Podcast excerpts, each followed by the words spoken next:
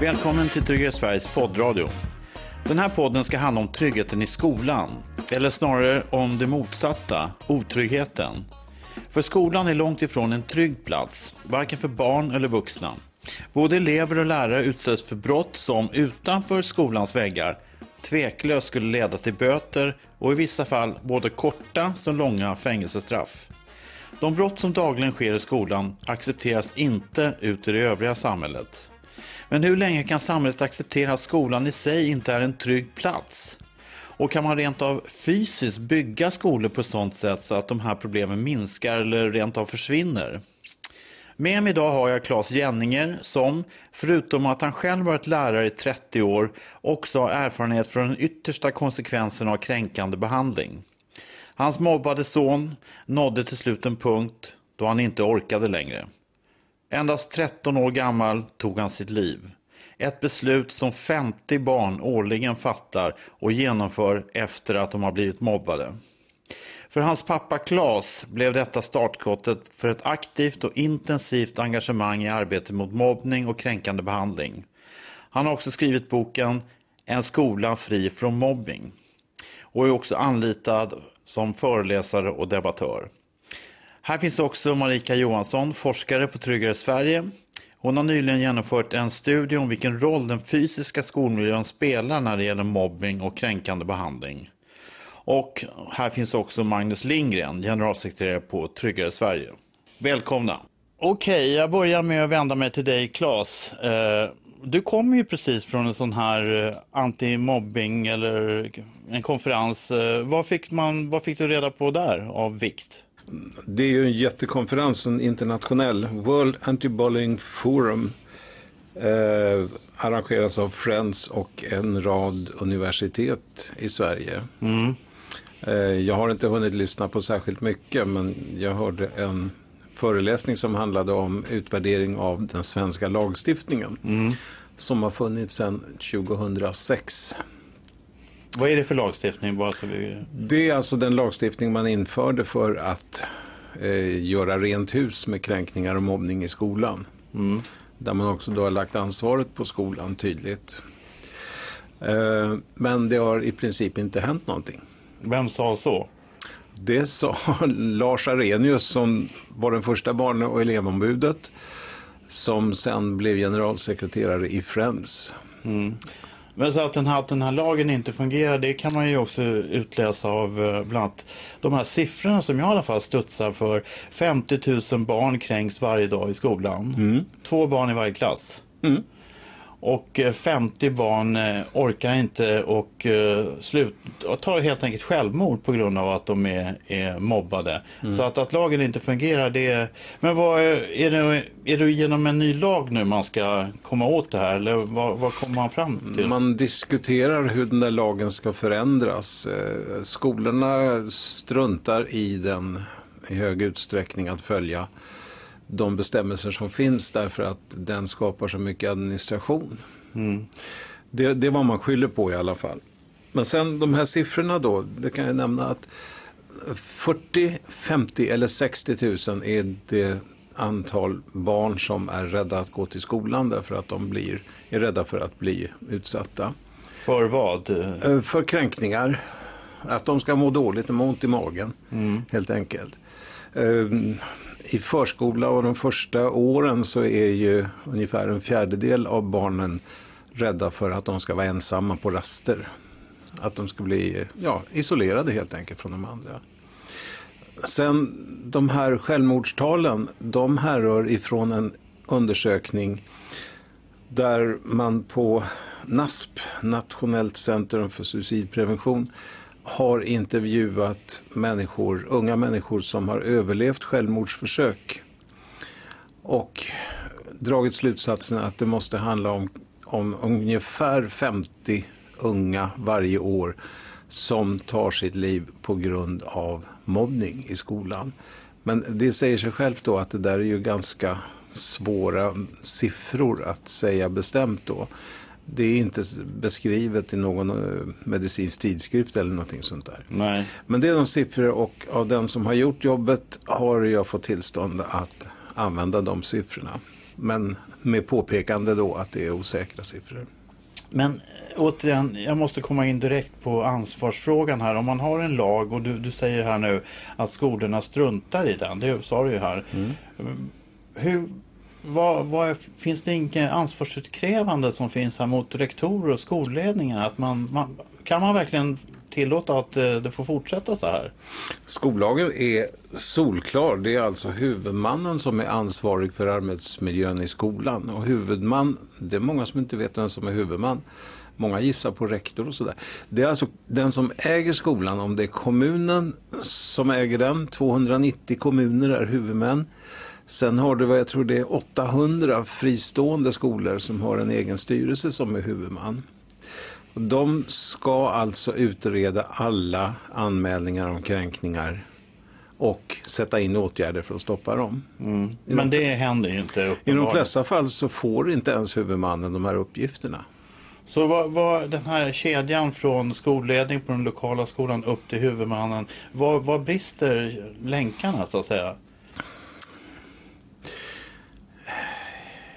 Ja du. För du har ju själv sagt att eh, du har ju själv varit lärare och ja. inte heller tyckt att du, du, såg allt som du nu vet hände i, händer i skolans värld. och jag har aldrig haft någon skolledning som har sagt att det här är någonting, någonting som är viktigt. Jag har varit en ganska hygglig lärare tycker jag, så här, medioker. Eh, men det här har aldrig varit någonting prioriterat. Ingen rektor som har sagt åt mig att nu ska du anmäla till mig om du ser någonting som är olämpligt. Utan jag har ju varit med om händelser när, när, elever och föräldrar plötsligt har sagt ifrån på ett föräldramöte till exempel. Mm. Och då blir man aldrig ställd. Det är ju först nu, alltså de sista tio åren, som jag har sett mönstret. Men, Men vad har blivit bättre egentligen på tio år? Ungefär 80 procent av lärarna tycker att man har ett bra förebyggande arbete på skolorna. Ungefär 50 procent av eleverna tycker att man har ett förebyggande arbete på skolorna mm. numera.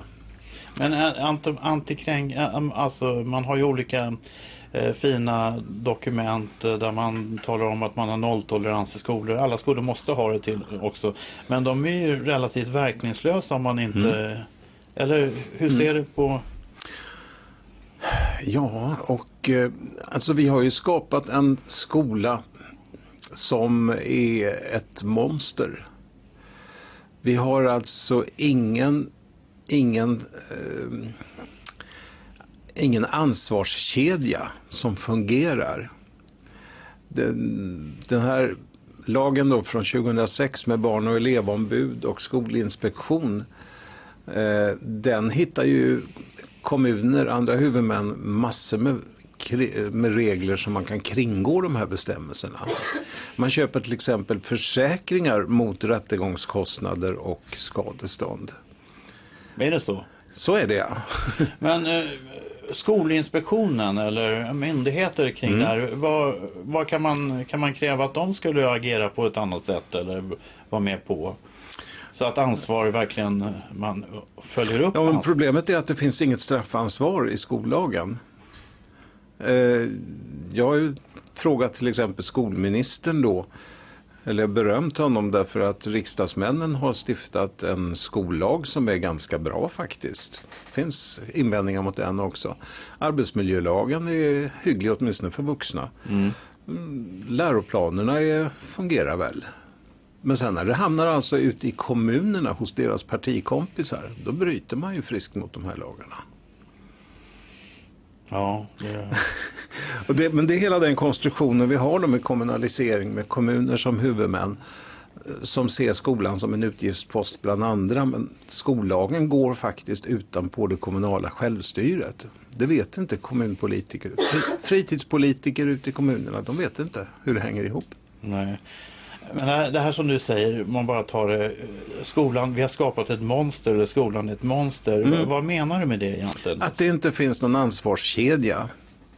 Uh, I princip, i, vad ska vi säga, i, till vardags så fungerar det så här att man lägger allt ansvar på den enskilda läraren. Uh, när allting fungerar så säger ingen någonting. Men har du en våldsyttring eller kränkning, mobbning i en klass så räknar man med att det är läraren som ska ta hand om det här. Och läraren kan ju inte, är ju inte garanterad stöd uppifrån sin rektor och ännu mindre från sin huvudman. Men vem ska göra något om inte läraren? Det är väl den enda vuxna? Precis, och därför är lärarna så viktiga. Men ska man ha andra vuxna i skolan som tar hand om disciplinfrågorna? Nej, nej absolut inte. Det, som lärare så, så jag vill ha stöd, jag vill alltså ha nyckelpersoner i skolan. Eldsjälar är jättebra men de brinner upp. De tröttnar efter en stund. Mm. Men, men nyckelpersoner så att jag som lärare vet var gränsen går för mitt engagemang. Jag vet ju massor med, med lärare och även jag själv har ju varit där. Man jobbar som socialassistent, äktenskapsrådgivare, allt möjligt. För, för, ja, fritidsledare för, för föräldrar och sådär. Och det ska man inte göra som lärare. Men som lärare ska man ha det, en tydliga ramar för var mitt engagemang tar slut och var jag kan gå och hämta hjälp. Nu har jag ett problem med elever här i min klass som går utanför mitt ansvarsområde. Då ska jag veta vilken kurator eller skolsköterska eller assistent eller vem det nu är ska gå till. Mm. Men sen vill jag som lärare ha återkoppling när de har rätt ut det här. Mm. Och det tycker inte du fungerar? Eller vad? Det fungerar inte alls. Nej. Därför att de flesta lärare har inte någon att gå till. Mm. Och kommer man till rektor och har problem i sin klass då tycker nog väldigt många att man ska lösa det själv. Men då undrar jag, vad är, vad är ditt förslag på, enkelt beskrivet, på hur man löser det här? Ett förebyggande arbete. Men det är ju, kan man ju säga att eh, om man har ett förebyggande, hur ska det se ut? En mm. deklaration att man har nolltolerans i den här skolan, är det förebyggande? Nej, men framförallt, framförallt att man har Framförallt att man lyssnar på eleverna och frågar hur de vill ha sin vardag. Och tar man det resonemanget på ett vettigt sätt med eleverna och verkligen lyssnar på dem så finns det ju inte en enda unge som tycker att det är okej okay att man har kränkningar och mobbning i sin skoldag. Nej. Sen tar man in föräldrar och går igenom det här också. Resonerar, vad är det för normer som gäller i skolan? Men upplever du att skolorna är öppna för att ta in föräldrar? Eh. Nej, absolut inte. Och det, det, är krig alltså mellan lärare och föräldrar och olika kolumnister i tidningar de skriver att det är föräldrarnas fel som inte uppfostrar ungar. Hur man nu kan lägga ansvar på föräldrar som inte ens är närvarande i skolan, det förstår inte jag. Är barnen i skolan så är det enligt föräldrabalken så är det skolan som har tillsynsansvaret mm. och inte föräldrarna för de är på jobbet. Och om eh, det här är ett stort komplext problem, men om man glider bort lite från det vi pratar om nu, mm. det personella och tittar på eh, andra aspekter av det här. Och då tänkte jag vända mig till dig Marika. Du, du jobbar här på Tryggare Sverige, forskare, har forskat på eh, egentligen hur skolans miljö skulle kunna eh, bidra till att det här minskar. Är det korrekt beskrivet? Ja, ungefär. Alltså, huvudsyftet är ju att skapa hur man skapar trygga miljöer i skolan. Ja, och, och det handlar om eh, rent konkret eh, eh, Eh, hur man utformar lokaler eller kan du utveckla lite? Alltså perspektivet i rapporten handlar om hur man skapar trygga miljöer i skolan. Och då är det viktigt att från första början se att ja, trygghet och säkerhet är två olika saker. Och ha det perspektivet när man jobbar med skolmiljön. För vissa åtgärder med den fysiska miljön kan öka tryggheten eller säkerheten. Och vissa åtgärder ökar tryggheten och är samtidigt brottsförebyggande. Mm -hmm. Men till exempel man visste alltid bakom den där trappan eller det där hörnet eller inne på den toaletten skedde det, det onda så att säga. Precis. Det vi vet är ju att den här utsattheten ofta sker på olika bestämda platser i varje skola. Mm. Det kan man ju upptäcka år efter vid... år? Ja, år efter år. Det kan man ju upptäcka via kartläggningar och faktiskt åtgärda. Mm. Um, tyvärr så görs det ju inte så mycket. Men vi vet ju att många problemområden är korridorer. Ändå byggs korridorer fortfarande. Vi vet att många otrygga platser är toaletter, omklädningsrum, sådana platser. Men sådana måste ju finnas toaletter. Ja, man kan bygga dem på olika sätt via placering och så vidare så att de kan upplevas säkrare. För att eh, jag tänker mig, eh, jag läste lite, du gjorde en sammanställning till mig innan vi körde igång den här podden om att man målar om lite, det blir lite tjusiga färger och så. Det låter lite som en quick fix på de här problemen men det kan Precis, och det du pratar om nu det är ju verkligen trygghetsfrämjande arbete enbart. Mm. Eh, som jag sa innan så vissa åtgärder påverkar ju upplevelsen av en plats. Mm. Om man trivs på platsen eller om man, ja, hur man upplever den. Mm. Att arbeta med färg och materialval kan ju påverka trivseln i en plats. Och forskning har också visat att slitage i skolmiljöer, eh, tristess i skolmiljöer och så vidare eh, främjar trakasserier och konflikter mm. i skolmiljön. Mm. Så att det är ju viktigt att om man jobbar med den fysiska miljön ska man ju såklart jobba med hela, alltså den breda bilden. Mm. Det är viktigt att tänka på färg. Där finns det ju forskning som visar att exempelvis blå färg kan vara lugnande. Mm. Det, är ju, det, är ju, lite flummigt. Men det finns ju forskning som belägger det. Okej, okay, intressant. Men har du några konkreta exempel från en skola som har gått från en dålig miljö, byggt om och kommit till en bättre miljö. Finns det några sådana exempel när du har tittat på det här? Eh, I Nacka så bedrev man ju projekt för några år sedan. Ehm, där man gjorde just före och eftermätningar och så gjorde man en del olika eh, insatt, eller, ja, åtgärder. Mm. Dels eh, olika antimobbningsprogram och så jobbade man med den fysiska miljön, eh, kartlade problemområden precis som vi har pratat om. Och då min, efter eftermätningarna visade att skolvåldet hade minskat med 30 procent. För man gjorde åtgärder också? Precis, och de 30 procenten tillskrevs till största del just arbetet med den fysiska miljön. Att man till exempel sänkte skåp, att man satte in och jobbade med transparens, överblickbarhet, att man jobbade med rastvärdar och eh, punktsatte. Så det finns alltså riktig kunskap, forskning och kunskap bakom det här hur man skulle kunna göra? Ja, det gör det. Vad är din intryck hur skolorna ser ut idag då? förhållande till vad, hur de borde se ut? Alltså, det finns ju många goda exempel. Eh, vissa arkitekter jobbar ju med det här men det finns ju tyvärr väldigt många arkitekter som inte jobbar med det. Många nybyggda skolor som inte jobbar utifrån de här ehm, eh, faktorerna. Istället så prioriterar man andra aspekter, tyvärr. Och såklart så har vi jättemånga gamla skolor ja, som man inte rustar upp, som man inte eh, håller efter och man inte använder utifrån de här faktorerna. Så nej, jag skulle inte säga att man jobbar med det. För att de här, I Stockholm finns det ju många stora gamla skolor som är som kolosser. Eh, är de, eh, de är förmodligen inte byggda med, med den kunskap som finns nu då, i det här avseendet? Eh, nej, det är såklart, eller nu vet jag inte vilka skolor du pratar om. Nej, men det finns ju stora stenhus som finns här i Stockholm och alla de här stora skolorna, stora i städer. Men du säger även att nya skolor inte heller tar till sig den här kunskapen. Eh, för det är inget krav på att bygga en skola efter den här. Det finns ingen lagstiftning som Nej. handlar om att bygga utifrån brottsförebyggande arbete. Nej, precis. Tyvärr. Nej, precis. Och det kan ju se när vi precis varit och gjort en eh, trygghetsbesiktningar nere i Göteborg i olika skolor och ute på skolgården så går jag förbi ett uthus där det är klottrat en, eh, ett ansikte med så här fasansfullt uttryck så står det hjälp i stora bokstäver och sen är liksom dörren uppbruten. Och man åtgärdar inte sådana saker. Nej. Men vem ska åtgärda det? Bara fråga lite, ska, är det rektorn som ska gå ut och måla över det där? Eller vad finns det för organisation för att Även om man vet att man ska göra någonting, hur, ser du, hur ska det gå till i verkligheten? Så att säga? I verkligheten så är det ju...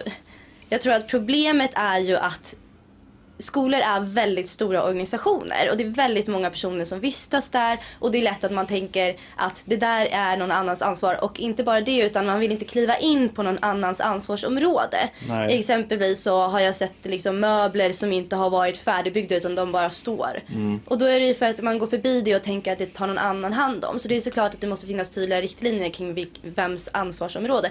Det handlar ju om styrning från rektorer eller huv skolans huvudman. Mm. Vem är det som har ansvar för, för det är såklart att det är ju vaktmästare och så vidare som kanske tar efter just de aspekterna. Sen mm. finns det ju stadsdelsförvaltning eller lokalförvaltning som kanske tar hand om typ, eh, ja men eh, måla om och sådana delar. Men det... i kort sagt, eh, det är ju mer nedsliten skolan ju sämre är miljön. Alltså det är lite sådana här broken windows som ni brukar prata om. Det är absolut broken windows. Ja, som är. Magnus, jag, jag, vill komma till dig nu. På, för jag kan inte släppa det här, de här siffrorna i, i chockerar ju mig. Att det är, jag menar, föräldrar sänder sina barn till skolan som har ansvaret för att ta hand om barnen, bildnings, bildningsaspekten och så. Men att det är en sån otrygg plats eh, som det faktiskt ser ut här. Och just att man, eh, de här brotten, jag vet att du har varit kritisk mot dem, man kallar allting för mobbing som händer i skolan, alltså oavsett vad det är i princip. Eh, men kan du utveckla lite var, varför man behandlar skolan på det här sättet när de här brotten accepteras ju inte utanför skolgården, det som händer där inne. De, de får ju andra rubriceringar, eller hur? Ja, det är väl en eh, central fråga, tänker jag, i ett sånt här sammanhang. Varför betraktas det som händer i skolan inte alltid riktigt på riktigt? Och framförallt inte som det hade betraktats kanske i övriga samhället. Och jag slås ju hela tiden av hur eh, man just mellan klockan 8 och 20 och 15 och 10 när våra barn och ungdomar är i skolan så kallar man händelserna för mobbning. Men när man tittar på de händelserna under övriga av dygnets timmar så är det ju faktiskt många gånger misshandel, det olaga hot, övergrepp i rättssak, det är sexuella trakasserier etc. etc. etc. Med andra ord, det som händer i skolan är inte alltid riktigt på riktigt. Liksom. Men har det, all, har det väl alltid varit egentligen? Och det behöver inte betyda att det borde vara så egentligen. Nej, eh, det, det, är väl också någonting som är slående och tänker jag en viktig utgångspunkt för en sån här diskussion. Just att hur har det kunnat få fortsätta på det här sättet år in år ut? Vi vet, och som Marika beskriver, att, att skolan är faktiskt en av de vanligaste brottsplatserna för barn och ungdomar. Vi vet att många är otrygga. Vi vet till och med var man är otrygg, som Marika säger. Och vi vet också vad man skulle kunna göra åt det. Och ändå har liksom det här fysiska perspektivet då, som Marika pratar om, den situationella brottspreventionen, inte beaktats överhuvudtaget. Och sen har vi den andra delen då med så kallade antimobbningsprogram och det begreppet om mobbning, om vi tar det spåret, som jag menar är ett förskräckligt begrepp som är också faktiskt en bidragande orsak till att det ser ut som det gör i skolan och tillåts fortsätta se ut som det görs i skolan. Varför? För att det är så luddigt begrepp? Ja, men det är luddigt och det är, riskerar ju att förminska det som händer eftersom man inte ser det riktigt som brott. Och, och det är ingen straffpåföljd på samma sätt på mobbing som de här andra brotten? Nej, men synen är ju lite av det som Claes är inne på. Det är nog vår upplevelse också. Jag menar att det som händer i skolan är inte riktigt på riktigt. Det sker mellan två eh, elever där antagligen båda har del i det hela. Och förvisso visst kan det vara så. Men långt ifrån alltid. Ibland är det ju en person som begår brott mot en annan och det handlar om olaga hot och det. Så därför tänker jag att ordets makt över tanken är oerhört central. Mm. Så bara genom det faktum att inte kalla det här för misshandel eller olaga hot eller övergrepp i rättssak eller brott Liksom. Mm. Utan istället för något mer diffust begrepp som egentligen inte förekommer i lagstiftningen, mobbning. Liksom. Mm. Så, så, så, så blir det ju som någon mellanmjölk, någon kokosboll, fluffigt, utsmetat. Och det är en bidragande orsak till att vare sig kanske de som utsätts för det här eller de som utsätter andra eller för den delen skolan överhuvudtaget inte ser det här som det det faktiskt många gånger är, det vill säga brott. Men jag tänkte, i skolan går det ju många unga människor också och de kränker varandra och de kanske inte eh, har lärt sig anmäla på något sätt. Eller... Men det är också så, jag läste här statistik från Arbetsmiljöverket där, eh, alltså där personalen har eh, från 2012 nu fram till 2016 så har eh, antalet anmälda allvarliga hot och våldshändelser i skolmiljön har fördubblats på den här tiden. Alltså det är alltså från eh, vuxna personal som jobbar i skolan som borde känna till att man inte borde bli behandlad så. Men eh, det är lite, verkar som skolan, precis som du är inne på, det är som en sluten värld som puffar på för sig själv. Och, ja, vad, hur ser du på det egentligen rent eh, Nej, Claes beskriver det på ett bra sätt. Han har varit en lärare, ja. kanske vare sig bättre eller mindre bra än någon annan, utan som lärare mest. Men det är aldrig någon som har efterfrågat att han ska se det här, att han ska jobba med det här. Och, och därför, jag menar man pratar ju, skulle vi jobba eh, med den här typen av hot, våld och trakasserier i företag som vi gör från Stiftelsen Tryggare Sverige i andra sammanhang jag menar, det är ju inte så att när jag kommer till en arbetsplats att jag säger så många av de här skojarna antimobbningsprogrammen att nej, nej, nej, ni lärare, ni rektorer, ni får inte vara med. Jag vill träffa personalen, jag vill träffa eleverna. Och sen låser man in sig i ett rum med de här eleverna och står och pratar om eh, mobbning, antimobbning, det ska ni inte göra. Utan när vi jobbar professionellt med de här frågorna gentemot myndigheter, företag, då tillämpar ju perspektivet tune of the top. Alltså, där måste man ju börja och klara ut vilka system finns det, vilka processer, vilken organisation, vilken kartläggning. Men bara för att det är skolan då tillåter vi olika kvackare organisationer, den ena värre än den andra, vara inne och hantera de här frågorna gentemot elever. Och där vet vi ju att utvärderingar av de här så kallade antimobbningsprogrammen visar att de flesta är verkningslösa, till och med vissa kontraproduktiva och genererar det som de säger sig vilja förebygga. Men ingen ställs ansvarig för det här, eller hur? Nej, det är bara till oss fortsätta. Och hur många skolor har ni som kunder till exempel, just på det här området? Ja, alltså vi jobbar ju mer och mer Alltså med... huvudmän, kommer någon kommun till dig och säger, skulle du kunna gå igenom... Nej, nej, de eh, fortsätter ju med kvackarorganisationerna för det är antagligen quick fixen, det är det lätta.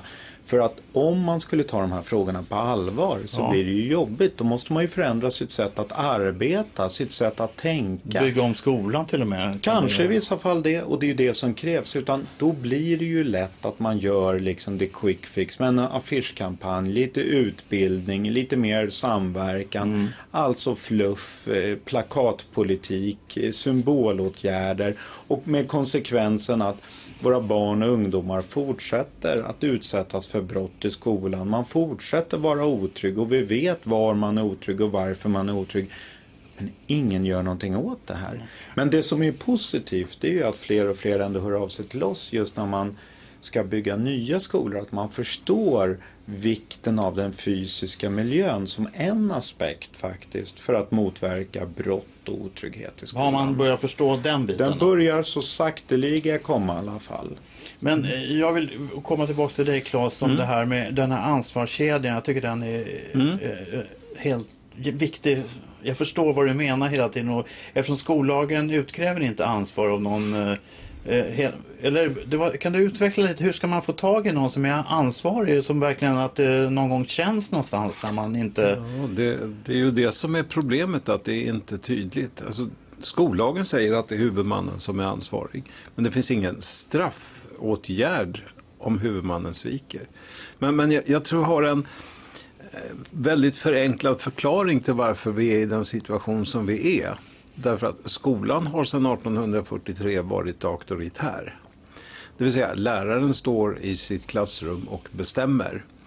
Och det gick överhuvudtaget inte för någon att sticka upp eller kasta suddgummin eller någonting. Det vill säga så länge läraren stod i klassrummet. Eh, om läraren inte hade lust att acceptera något beteende eller något ordval, då släpar man ungen in till rektorn. Alltså det var en auktoritär kedja som vi har sagt upp bekantskapen med i skolan. Och vad har vi ersatt den med? Ingenting. Alltså vi har ingen beslutsordning. Vi lägger ansvaret på enskilda personer i olika lägen. Läraren ska kontakta föräldrar. Det gör de inte för att då riskerar de att bli anmälda. Därför att vi börjar få en lagstiftning som säger att skolan har två uppdrag. Det är att lära ut en lämpliga kunskaper enligt en läroplan. Och det andra, det är en social fostran där vi ska lära barn från början att acceptera andra människor som de är. Att respektera varandra.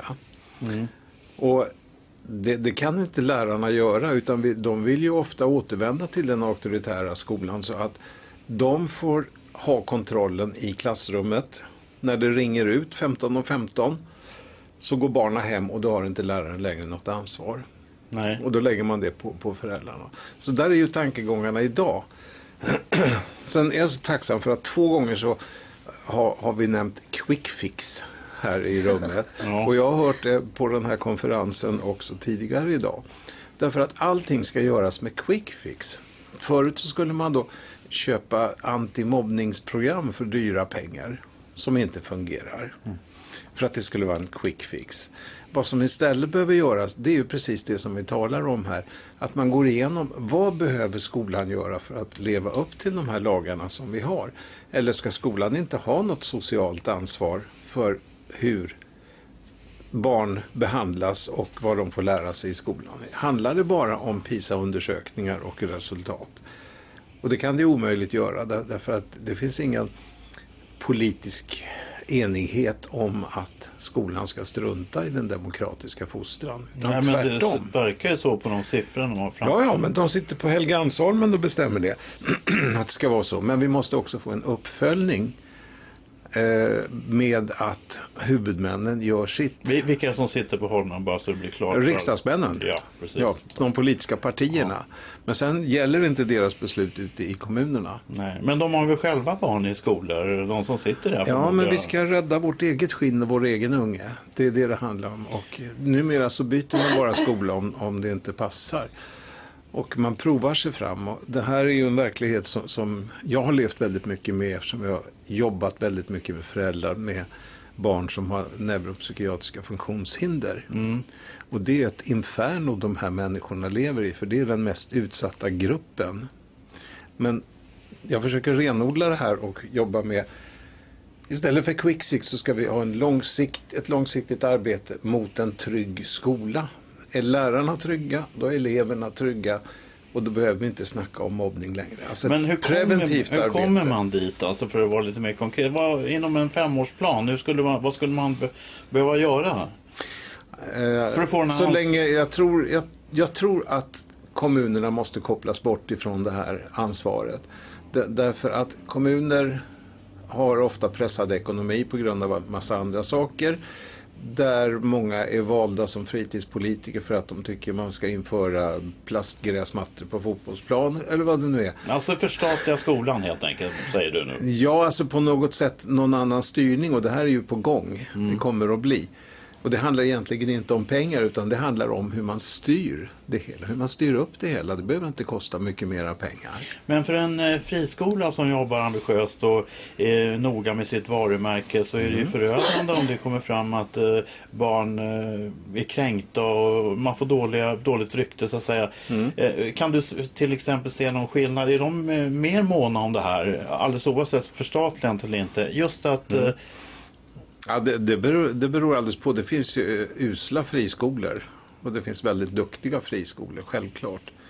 Men, det är en faktor för en friskola om det skulle vara sånt rykte förutom det här studieresultat att man faktiskt blir kränkt och illa behandlad där. Ja, men skol, Skolinspektionen har ju lagt ner friskolor också därför mm. att det har inte fungerat. De har inte uppfyllt sina, de bestämmelser som gäller. Men det är svårare att få dit en kommun låter det som, än en frisk, enskild friskola. Ja, alltså, kommunen gör det de är tvungna att göra enligt lag. Och de, de, lyfter inte ett finger för att lösa det som står utöver lagens bestämmelser. Så, så, frågan är då hur man ska lösa det om man ska detaljbeskriva vad som ska göras. Det här med att man har ju försökt detaljbeskriva med att det ska anmälas till huvudman mm. om det har förekommit kränkningar. Det skiter de i, ursäkta uttrycket. Men de gör inte det, för de tycker att de har inte tid med det. Vilka de? Menar du skolledarna? Skolledar, skolledarna och huvudmännen. Mm. De lämnar det därhen. Och jag har ju de sista två åren träffat tio lärare som har fått sparken för att de har gjort precis vad som står i lagen. Nämligen anmält eh, ja. någonting som inte har gått vidare. Precis. Och de, de är jobbiga och obekväma och de blir omplacerade hotad, eh, sägs upp. Ja, en del har fått sparken rakt av liksom. För att de ställer, står upp för det de... Ja, inte... för de har bråkat med föräldrar och mm. sagt ifrån att vad som har hänt i skolan. Mm. Jag tror att man, man måste beskriva det här preventiva arbetet, hur det ska gå till, vad som krävs. Mm. Alltså vad man ska göra när man eh, observerar någonting, som lärare mm. till exempel. Mm. Att det är tydligt eh, manual på något sätt. Ja, det, För det jag, behövs. Jag tror det måste komma dit alltså. Och att det beskrivs vad en huvudman ska göra. För att det står då att det ska, en huvudman ska se till att det finns ett förebyggande arbete. Men det står inte vad man ska göra i det förebyggande arbetet. Ja. Och då säger de att vi har sagt till barn att de inte får bråka. Då har man gjort sitt förebyggande arbete. Det löser ju ingenting. Nej, det är otroligt. Ja. Så jag tror man måste detaljreglera och det kan göras på olika sätt. Det behöver inte ens vara lagstiftning utan det beror på att om man har en lite grann som Skolkommissionen har föreslagit med att man har regionala styrinstanser för mm. skolan. Där man kanske formulerar hur de ska arbeta. Eh, hur eh, vill du kommentera lite det här arbetet Manrika håller på med och, och, den kunskapen om hur en skola skulle kunna rent fysiskt byggas för att eh, sådana här... Vad har du för... Skulle det fungera? Absolut, det finns jättemycket att göra på det. Jag har ett bra exempel, en gymnasieskola jag jobbade på där jag fick igenom att man gjorde en sån här trygghetsvandring med en kartskiss över skolan och de satte kryss. Och alla tjejer hade ju satt fullt med kryss där det var ett café. Jag tror jag nämnde det ja. på det seminariet. Eh, och det var, gick ju som en chock därför att det här var den stora stoltheten med det elevstyrda kaféet och alltihopa. Men alltså de glåpord som alla tjejer fick höra när de gick förbi de här grabbarna som låg utfläkta på sofforna och hade det mysigt där. Det, det, det kom ju inte fram. Det var ingen som hade lagt märke till det. Men alltså man bygger bort sofforna så försvinner Ja, de satte pinnstolar och bord. Skulle pojkarnas benägenhet att kränka försvinna då? Ja, det var inget skönt att sitta där längre. Så att de... Jaha. Alltså man förändrar miljön och ja. då blev det effekter? Ja, då blev det bättre. Ett annat sätt skulle ju vara till, alltså, att ha en annan aktivitet eller en annan funktion i skolan. Så att man som elev kan välja olika platser att vara mm. på. För en sån skola har jag varit på som just, alltså det är en god tanke i sig som de tänkte att de hade liksom en eh, fritidsgård, ett uppehållsrum som de ville att eleverna skulle vara på på rasterna för där fanns det ju vuxna, vuxna, typ tre personal. Det är ju en god tanke. Men det som det betyder är ju att alla elever samlas i det här rummet och alla vill inte träffa varandra. Man kanske inte vill träffa en person. Mm. Och då upplevs ju inte det här rummet som tryggt i alla fall. Utan då slutar det med att vissa personer sätter sig på golvet i en korridor för de har ingen annan plats att sitta eller vara på. Precis. Det är ett stort problem. Då måste man ju också tänka på att det ska finnas olika funktioner. Olika aktiviteter för elever att vara i på rasterna. Mm. Eh, en fråga som kommer upp i huvudet är när det gäller den här trygghetsvandringen du var inne på här. Mm. Och på, lite på ja men helt enkelt kameror i skolan. Eh, vad, vad, anser du om det Magnus? Ska man ha trygghetskameror eller kameror överhuvudtaget? Är, det ett verktyg som är... Eh, ja det är en aktuell debatt i samhället nu ja, kan vi ju säga. Hela tiden är eh, men, men jag menar den debatten är ju ganska infantil på många sätt. För att man pratar kameror men man definierar många gånger inte vad kamerorna ska vara till för. Och om man pratar om potentiellt eh, goda effekter av kameror så är det ju att man skulle kunna tänka sig att de i bästa fall förebygger brott. Man skulle kunna tänka sig att de ökar tryggheten.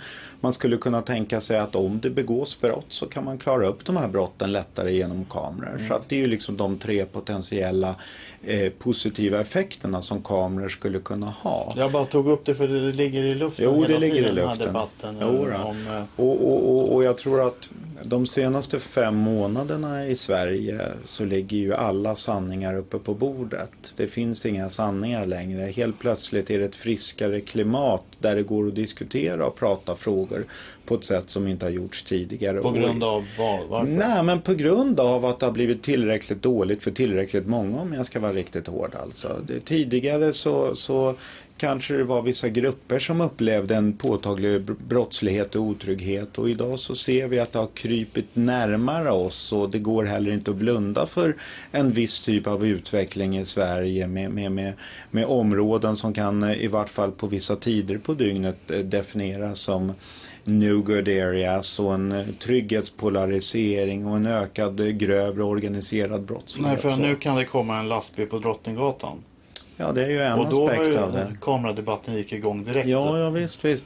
Men däremot så, så, så jag menar, det, det är en tillnyktring i den meningen att en debatt om kameror då, så vem kan förväntas att vara privat i det offentliga rummet. Alltså mm. jag i omklädningsrum, eh, jag i, i, på toaletter etc. Men inte det offentliga rummet. Sen frågan då kameror i skolan. Alltså det är ju inte det första Nej. som jag och vi tror på, vare sig liksom kameror eller larmbågar etc. Däremot är vi helt övertygade om att säkerhetsaspekterna behöver komma på agendan på ett helt annat sätt i våra skolor.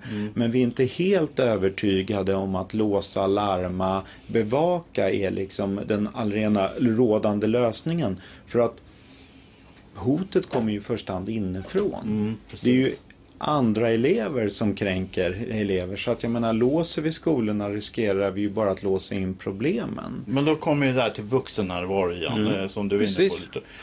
Men återigen, samtidigt säger du att lärarna har ett pedagogiskt eh, huvudansvar så att säga för sin pedagogik. Men inte, klarar inte att täcka all, alla andra bitar. Är det så jag ska fatta? Det är väldigt oklart. Alltså, mitt svar på din fråga det är ju att det sitter i väggarna och det är ett väldigt dåligt svar. Men det är alltså den kultur som råder i skolan att eh, lärare har inte ansvar för hur elever hanterar varandra. Det ska räcka med att man säger till. Du får inte gå dit, nej slå honom inte. Och då har man gjort sitt. Va? Och sen går man till Men, men sådana quick fix fungerar ju inte lika lite som att det fungerar för mig som förälder.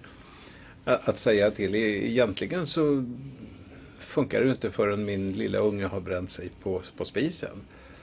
Men, men eh, det är att hårdra det hela. Va? Men, Så hur, vad, vad ska Alltså in förmaningar funkar inte. Det som ska in är att människor tar ett, har ett tydligt ansvar för vad man ska göra. Vi pratar om rastvakter. Eh, det börjar kallas för rastvärdar istället och så har man då rastaktiviteter, åtminstone när det gäller mindre barn. Eh, de är inte taskiga mot varandra om de har eh, gemensamma lekar och skoj och kul. Något som man längtar till när man springer ut på rasten. Att man vet att nu kommer det och det att hända och vi kommer att spela brännboll. Istället för att man ska gå och gömma sig bakom en tall i skogskanten för att slippa bli slagen. Eller för att bli provocerad och slå någon annan. Alltså, där är en människa som har ett jobb betalt för att ta hand om barnen. Det finns fler och fler av dem. Jag Ja. tycker det här är oerhört viktigt som Claes beskriver för det är ju så vi jobbar mer och mer även när det gäller vuxna i offentliga rum. Det vill säga att vi programmerar den här platsen för att skapa en mix av aktiviteter för att därmed eh, ha bättre kontroll och minska risken för brott och, och otrygghet. Så att eh, det, det är helt rätt och det ligger väl i linje med det här med situationella tänket då på skolan och skolmiljön. Men programmera en skola, beskriv lite. Hur skulle det se ut konkret på skolgården? Ja, dels kan man ju ta själva skolan. Man kan ju tänka sig eh, nya typer av skolor som inte är så tillslutna stängda utan där det finns vissa delar av skolan som kanske öppnar för andra för att eftersträva en mix av funktioner, en mix av människor. På skolgården så kan ju det här med att programmera handla om att just man gör olika, det är inte hela havet stormar att eleverna själva får välja fullt ut vad de gör eller inte gör utan man har liksom, ja, här gör vi det på den delen, här gör vi det, det är ju ett sätt att programmera då. Okej. Och sen att man har personal som är med hela tiden. Jag, I min bok så beskrev jag då en skola där det fungerar väldigt bra.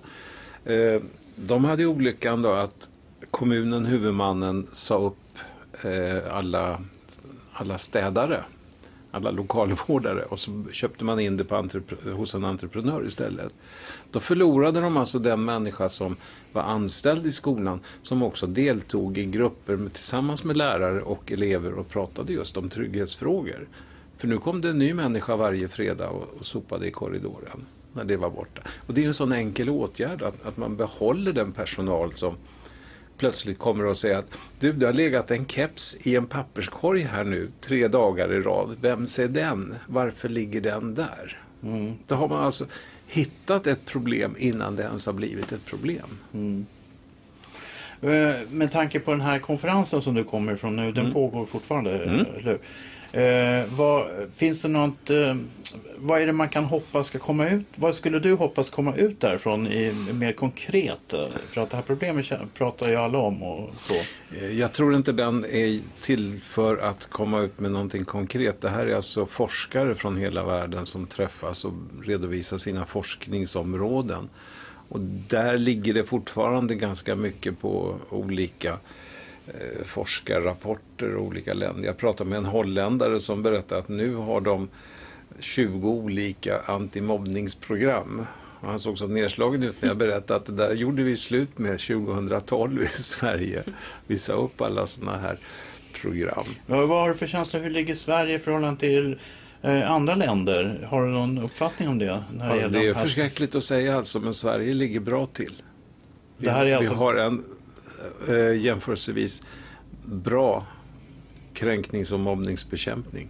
Var 50 000 barn som kränks varje dag. Det är, det är bra i förhållande Ja, till... det, det är nästan som man skäms för att lyfta fram det, men alltså, men det är ju sanningen som det ser ut. Men jag inser att du inte tycker att det är okej ändå Nej, naturligtvis. nej. Att det ska... okej. Norge är bättre på, på sådana här saker. Men har du, har du någonting, återigen det här med disciplin och du var inne lite på det, auktoriteten som eh, har löst upp lite grann. Du, du beskrev lite en sån utveckling. Eh, Får jag vara lite drastisk? Eh, Är det någon, någon större fara med att du kör över heldragna linjer när du är ute och kör bil? Är det någon som bryr sig idag? Nej, kanske inte. Nej, Alltså det är en normupplösning. Ja, precis. Och jag, jag tycker alltså, jag som, som jobbar med skolfrågor, jag tycker att man ska vara mycket tydligare och sätta tydligare gränser och också utkräva ansvar på olika sätt. Men då betraktas jag ibland som auktoritär. Och det är helt fel. Därför att i, i synnerhet barn som har svårt med, med relationer med andra, de vill ha mycket tydligare gränser vad som är okej att göra och inte. Sen hur vi bemöter över sådana här utbrott, brott det är en helt annan sak. Ja, egentligen skulle jag inte säga någonting. Jag tycker att Claes ska fortsätta prata. Men det jag vill säga är att jag tycker att det är så uppfriskande. För de, den här rösten har vi saknat i debatten. Det har varit mumbo jumbo, antivåld, mobbningsprogram. Och, och, och, och liksom, det handlar liksom tone of the top. Att vi måste klara ut system och processer och organisation. Vi måste jobba med kulturfrågor. Det måste handla om ledning och styrning, ansvarsutkrävande. Vi måste sända signaler att vi bryr oss. Idag i samhället i stort och såväl som i skolan så sänder vi alldeles för stor utsträckning att ingen bryr sig, vi bryr oss inte. Och vi är ju ingen liksom en, en högertankesmedja som man lätt stämplas som bara för att man talar om vikten av ett signalvärde. Lika lite då som Claes är auktoritär när han beskriver just betydelsen, vikten av att sända tydliga signaler i skolan.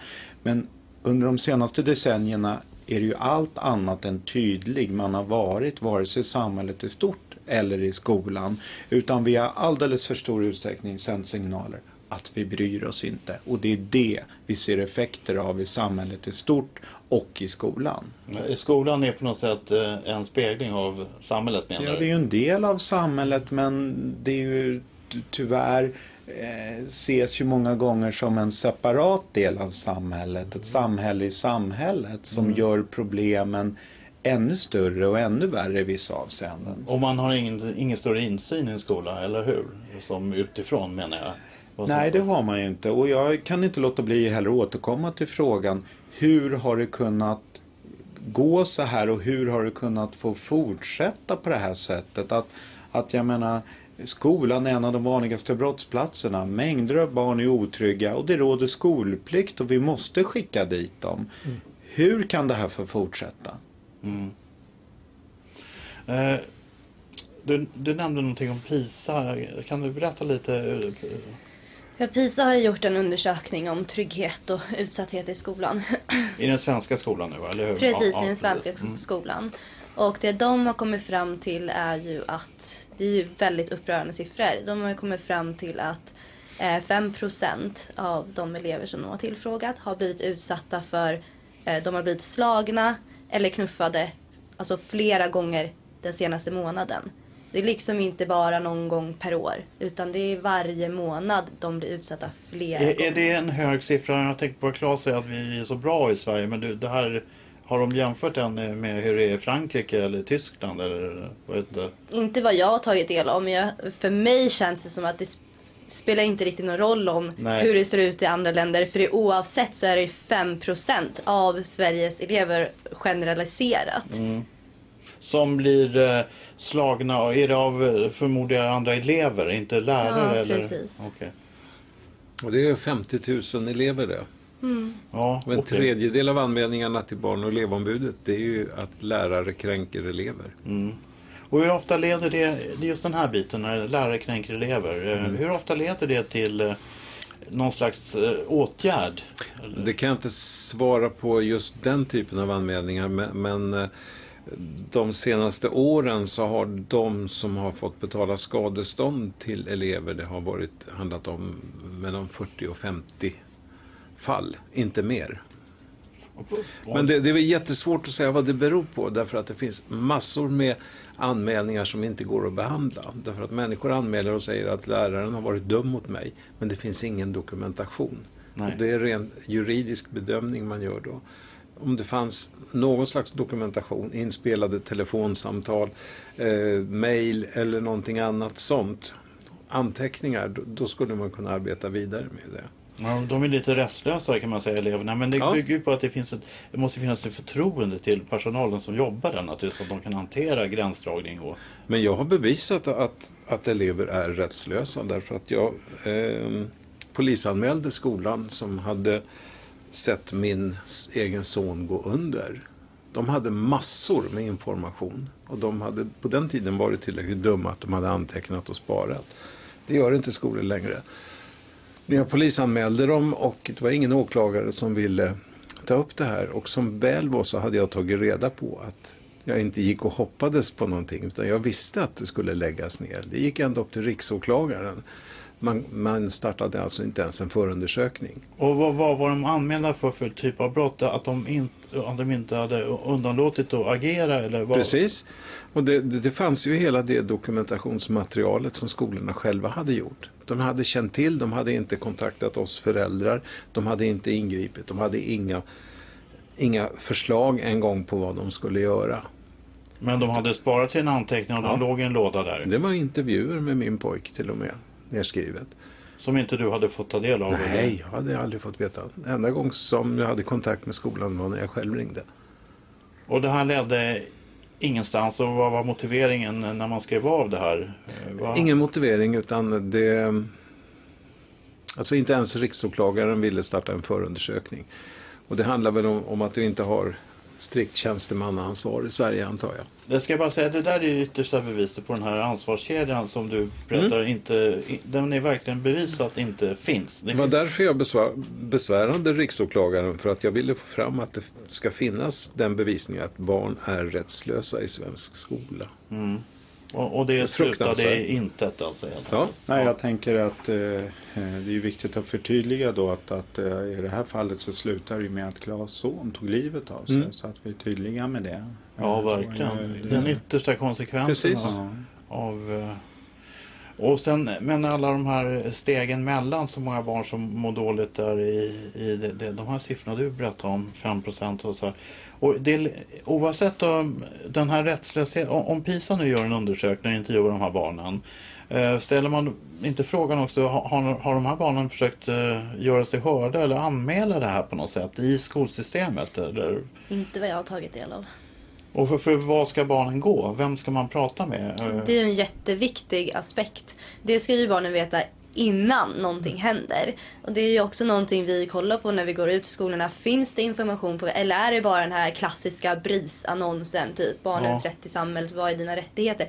Eller finns det information, det här ska du göra när någonting händer, den här ska du vända dig till, det här gör vi för att förebygga att någonting ska hända. Exakt. Det är jätteviktigt att man är, gör eleverna delaktiga i det här, att de vet vad som händer och upplever att de har kontroll över situationen också. Men, men sånt fin- det finns inte. Alltså eleverna vet inte. det är vad- jättestor skillnad mellan olika skolor. Det finns jättebra exempel på skolor som jag har varit på där det finns eh, liksom, Elevombudsmän, vuxna män. Ja, och sen liksom- också där det står tydligt så här, det här, de här händelserna polisanmäls. Okej. I lärarrum och så vidare och sen också att det, då vet man ju att det, för, för, det arbetas med det och pratas om på skolan. Ja, det är gränsdragningen tydligt. eh, Så, ja. Och att personal vet om att de kan ta del av informationen och att eleverna kan ta del av informationen. Det är som en liten tjej sa en gång eh, när jag höll på att prata om det här. Att, alltså det är konstigt därför att vi tränar ju faktiskt minst en gång om året på om det skulle bli brand i skolan. Då ska vi veta precis vart vi ska ta vägen och hur man ska bete sig och allting sånt där. Men om vi ser någon som, som är, är mobbad och illa utsatt på skolgården, då vet vi inte vem vi ska gå till. Nej. Hon gick i fyran tror jag. Ja, kopplat till det som Claes säger skulle jag väl också säga att det man gör idag mycket i skolorna det är ju att man övar på det som händer och har hänt ungefär vart 18 år i Sverige, det vill säga någon skolskjutning eller skolattack. Mm. Så i dagsläget om man ska hårdra det så kan man säga så här att man övar på det som händer vart 18 år men man jobbar inte överhuvudtaget på ett professionellt sätt med det som dagligen sker i våra skolor. Precis. Nej, precis. Okej. Okay. Så är det. För att avsluta och avrunda här lite. Vad, kort bara från alla er här, en i taget. Här. Vad är det som det, de viktigaste åtgärderna som man, man ska göra? Om vi börjar med dig Magnus. Vad, vad, hur ska man vända det här? Vad är din eh, konkreta magkänsla? Vad måste till helt enkelt? Nu, nu, nu är vi ju kanske tyvärr rörande överens om ja. Eh, i det här rummet och det är ju synd det. Det är alltid roligare om det är någon som tycker precis tvärtom. Om du ska plocka en sak bara. Som... Nej, men det är ledning och styrning. Eh, för har man en god ledning och styrning så är det självklart att ha system, processer, organisation, en bra kultur eh, Eh, och sända signaler att det här är frågor man tar på allvar. Då genomströmmar det hela arbetet och då sänder man också signaler till barn och elever eller barn och ungdomar till eleverna att, att, eh, att man är mottaglig Vem är för den här man? informationen. Är det en person eller är det ett system? Eller vad är det? det är ett system, det är skolorna. Det är ju ytterst huvudmännen, sen är det ju skolorna eh, med mm. rektorn då i toppen. Men som måste... huvudmannen är långt borta från lilla Pelle på skolgården. Det är mm. en skolledning och lärare emellan ja, där. men de är ytterst ansvariga. Så att jag menar, det initiativ som vi nu till exempel ser eh, i flera kommuner som vi faktiskt jobbar med i de här sammanhangen. Det är ju att huvudmannen, kommunen, Norrtälje kommun till exempel, när de ska bygga en ny skola har förstått att men vänta här nu, vi kan faktiskt minska brottsligheten och otryggheten genom redan nu i planering, projekteringsskedet beakta den här kunskapen när vi ska bygga en ny skola. Man kan räkna hem det verkligen. Ja, eller som när vi jobbar nere i Göteborg med där försäkringsbolaget Göta Lejon har tagit initiativ till att vi i ett stort antal skolor ute och gör besiktningar precis som man har gjort brandbesiktningar i alla tider och gjort åtgärder så gör vi nu trygghetsbesiktningar för att minska eh, brott och öka tryggheten. Mm. Så att jag menar, det, det går mm. åt rätt eh, håll. Tack för det här korta svaret. Ja, och, eh, ja, jag Marika. att det var så bra formulerat så jag känner att jag instämmer med det. Men du, du håller ändå, du, du är också inne på det här situationella, alltså för det fysiska. Eh, Men det är ju en del av arbetet. Man ska se det som en del av arbetet. Precis. Det är såklart viktigt att jobba med alla nivåer. Men jag tänker också att ledning och styrning är en Ja. Men eh, okej, okay, Claes då. Eh, lärarna, ska de eh, utbildas på ett annat sätt i de Absolut. här frågorna? Det finns, finns ingen utbildning på lärarinstitutionerna. Lärarutbildningsanstalterna. Eller skolchefer, likadant där. Rektorer? Rektorer, absolut. Eh, framförallt så behöver man nog titta på hur eh, arbetet är organiserat för rektorer för att de, de sitter mellan tre hörtappar ja. i stort sett. Det, jag har också provat att vara rektor men jag har överlevt eftersom jag slutade med Men du, du, en rektor är chef för, kan vara uppåt eh, 100 lärare. Ja, eh, tusen elever, kanske mer ja. än det. Man kan ställa sig frågan varför jobbar rektorer i stort sett bara två år numera, sen byter de jobb? Ja, vad är ditt svar på det? Ja, det går inte. Det är en orimlig uppgift som de har och det, den borde man se över lite grann. Hur de har. Det, sen har vi det här med ansvarsfördelningen. Därför att eh, förvaltningschefer, skolförvaltningar, de säger att vi kan inte bestämma någonting därför att det är rektorerna som bestämmer. Det står i skollagen, säger de. Precis. Men vem har anställt rektorerna då? Jo, det är förvaltningscheferna. och de har också möjligheter att säga upp rektorer och styra. Fast det ytterst alltså är politikerna som har ansvaret för förvaltningschefernas beslut. Men det jag, du menar förvaltningscheferna brukar inte sparka rektorer menar du? Eller? Nej. Man, man är nöjd så länge det funkar och så länge de håller budget. Ja. Det är huvudfrågan för dem. Och då bestämmer man alltså, förvaltningscheferna cheferna bestämmer vilken budget man ska jobba med i skolan utan att egentligen ha insikt om hur skolan fungerar. Okej, tack ska ni ha. Tack. Tack.